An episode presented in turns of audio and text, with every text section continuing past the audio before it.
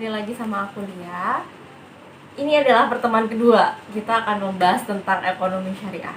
Jadi kalau di minggu kemarin kita berbicara tentang apa sih pengertian ekonomi syariah, terus kemudian apa pesan dalam Al-Qur'an gitu ya yang melandasi kita memang harus eh, berlaku adil dan lain sebagainya gitu ya. Dan kemudian akhirnya kita juga mengenal. Berarti apa sih karakteristik ekonomi syariah? Bagaimana sih kita harus berekonomi secara syariah itu sebenarnya prinsip dasarnya apa gitu? Sehingga kita sudah punya logika berpikir ya. Kalau kita mau flashback sedikit kemarin di pembahasan sebelumnya bahwa uh, yang pertama memang Islam itu berlaku uh, kafah gitu ya. Segala tatanan kehidupan manusia diatur dalam Islam dalam hal ini dalam hal akidah gitu ya. Seperti menunaikan ibadah haji, sholat, puasa, zakat gitu ya. Itu uh, ada hubungan kita dengan Allah. Itu diatur dalam Al-Quran tata caranya. Dan kemudian juga hubungan kita dengan sesama manusia. Hubungan muamalah gitu ya. Uh, baik itu hubungan sosial kemudian hubungan kemasyarakatan hubungan bagaimana kita berlaku dengan pemerintah dan sebagainya. Itu hubungan kemanusiaan lah intinya diatur juga dalam Al-Quran termasuk juga dalam hal ekonomi ya yaitu tata cara distribusi, produksi dan konsumsi itu juga diatur dalam Al-Quran dan ini akhirnya ada karakteristiknya seperti kayak kemarin kita bahas oh berarti ekonomi yang Islam itu berkarakteristik ketuhanan, berkarakteristik keadilan gitu ya dan lain sebagainya. Seperti yang ke, uh, minggu kemarin sudah saya bahas.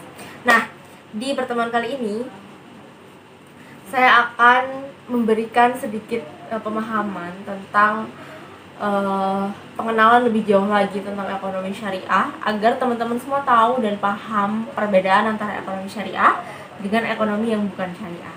Nah, jadi memang teman-teman uh, ekonomi yang Islam atau ekonomi syariah itu uh, memang ekonomi yang dilandaskan atas prinsip-prinsip Islam atau karakteristik-karakteristik tertentu yang sesuai dengan nilai-nilai keislaman yang ini uh, Islam itu juga menentukan adanya larangan yang tidak sesuai dengan yang uh, sesuai dengan yang tidak sesuai dengan nilai-nilai keislaman itu yang seperti apa. Nah, ini kita akan notice, kita akan tahu apa yang dilarang oleh Islam apa yang tidak boleh oleh Islam. Oleh karena itu ini nanti nggak boleh nih masuk dalam uh, ekonomi syariah. Jadi ibarat ini ekonomi syariah gitu ya. Ini yang boleh, ini yang tidak boleh. Nah kita akan belajar minggu ini tentang apa yang ini tidak boleh ini. Jadi ketika nanti ada case-case tertentu gitu ya, ketika nanti kita ketemu dengan masalah-masalah tertentu, Nah, ketika masalah-masalah itu kemudian ada karakteristik dari sisi yang tidak boleh ini, nah kita nanti akan bisa mengidentifikasi. Oh, berarti ini bukan termasuk ekonomi syariah karena ini melanggar prinsip ekonomi syariah. Nah, kita akan belajar ini. Jadi apa saja sih yang dilarang oleh Islam yang ini kemudian membedakan antara ekonomi syariah dengan ekonomi yang bukan syariah. Nah, yang pertama adalah uh, karakteristik ketidakbolehan. Jadi memang karakteristik ketidakbolehan dari sebuah transaksi atau sebuah uh, aktivitas berekonomi itu ketidakbolehannya atau keharamannya itu ditentukan oleh tiga hal. Yang pertama adalah dia haram secara zatnya atau secara objeknya. Objeknya itu memang sudah haram. Di kemudian yang kedua adalah dia haram secara caranya atau apa pun selain zatnya atau selain objeknya itu tadi baik itu caranya atau apanya lah pokoknya selain zatnya itu haram. Nah, ini nanti kita akan belajar. Kemudian yang ketiga adalah ketika itu eh, akadnya tidak lengkap. Apa sih akad itu, Mbak? Gitu ya. Akad itu, jadi akad itu adalah eh, perjanjian, gitu ya. Perjanjian secara Islam. Jadi kalau dalam Islam itu namanya akad kesepakatan gitu ya kesepakatan kesepahaman antara dua belah pihak bahwa dua belah pihak ini setuju untuk mengadakan suatu transaksi. Nah, itu namanya akad. Ketika akad ini tidak memenuhi unsur-unsur yang ditetapkan dalam Islam, jadi akad ini nanti ada rukunnya, ada syaratnya. Ada syarat-syarat akad, dan rukun-rukun akad gitu ya. Dan ketika itu tidak lengkap tidak dipenuhi uh, maka itu juga menyebabkan ekonomi itu tidak dianggap sebagai ekonomi syariah. Atau uh, itu tidak tidak dapat lagi memenuhi prinsip-prinsip syariah gitu. Jadi yang tidak dapat memenuhi prinsip syariah ada tiga halal eh, haram secara objek kemudian haram secara cara dan akadnya tidak lengkap. Dari sini paham ya? Oke. Saya akan breakdown satu-satu. Yang pertama adalah haram secara zatnya. Ini sangat jelas ya berarti objeknya haram. Objeknya haram itu berarti contohnya uh, tidak boleh bertransaksi objeknya adalah minuman keras atau hewan-hewan yang diharamkan.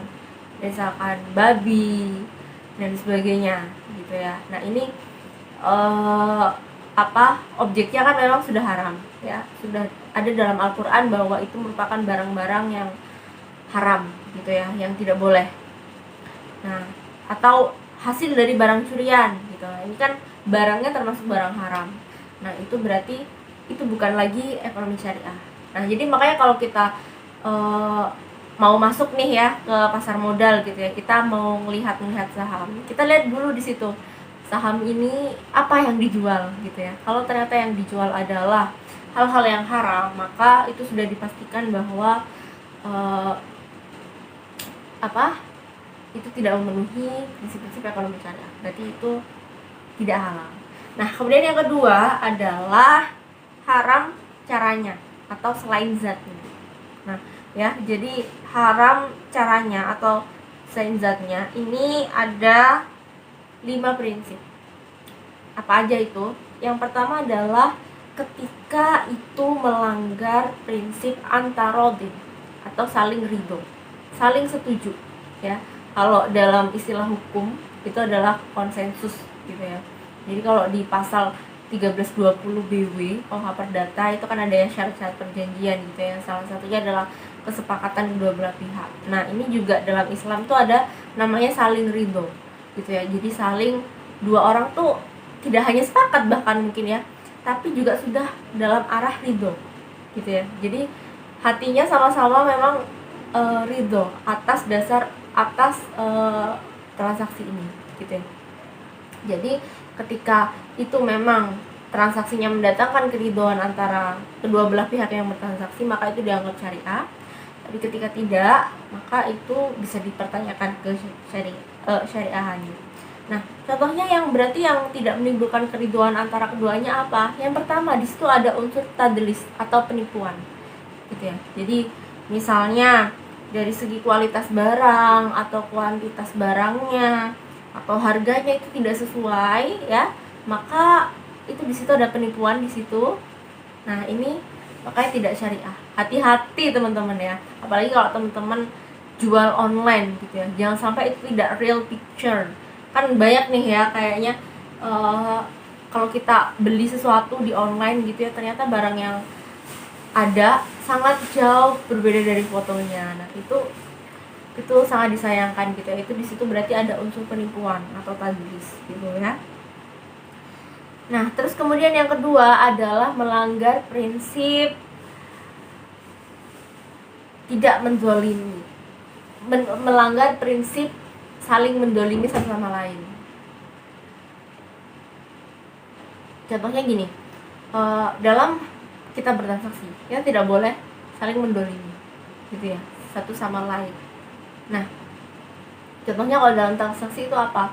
Yaitu ketika seseorang itu dalam bertransaksi terdapat adanya konsep yang disebut dengan taghyir atau goror horor itu adalah ketidakjelasan.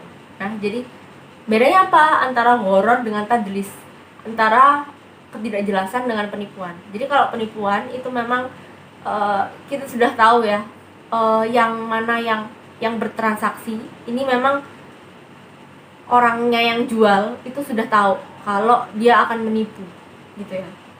Tapi kalau tagrir atau horor ini mereka keduanya memang sama-sama tidak tahu. Dan memang di situ ada hal yang tidak jelas gitu ya. Hal yang tidak jelas yang yang menjadi objek transaksi. Jadi objek transaksinya itu tidak jelas. Contohnya seperti apa?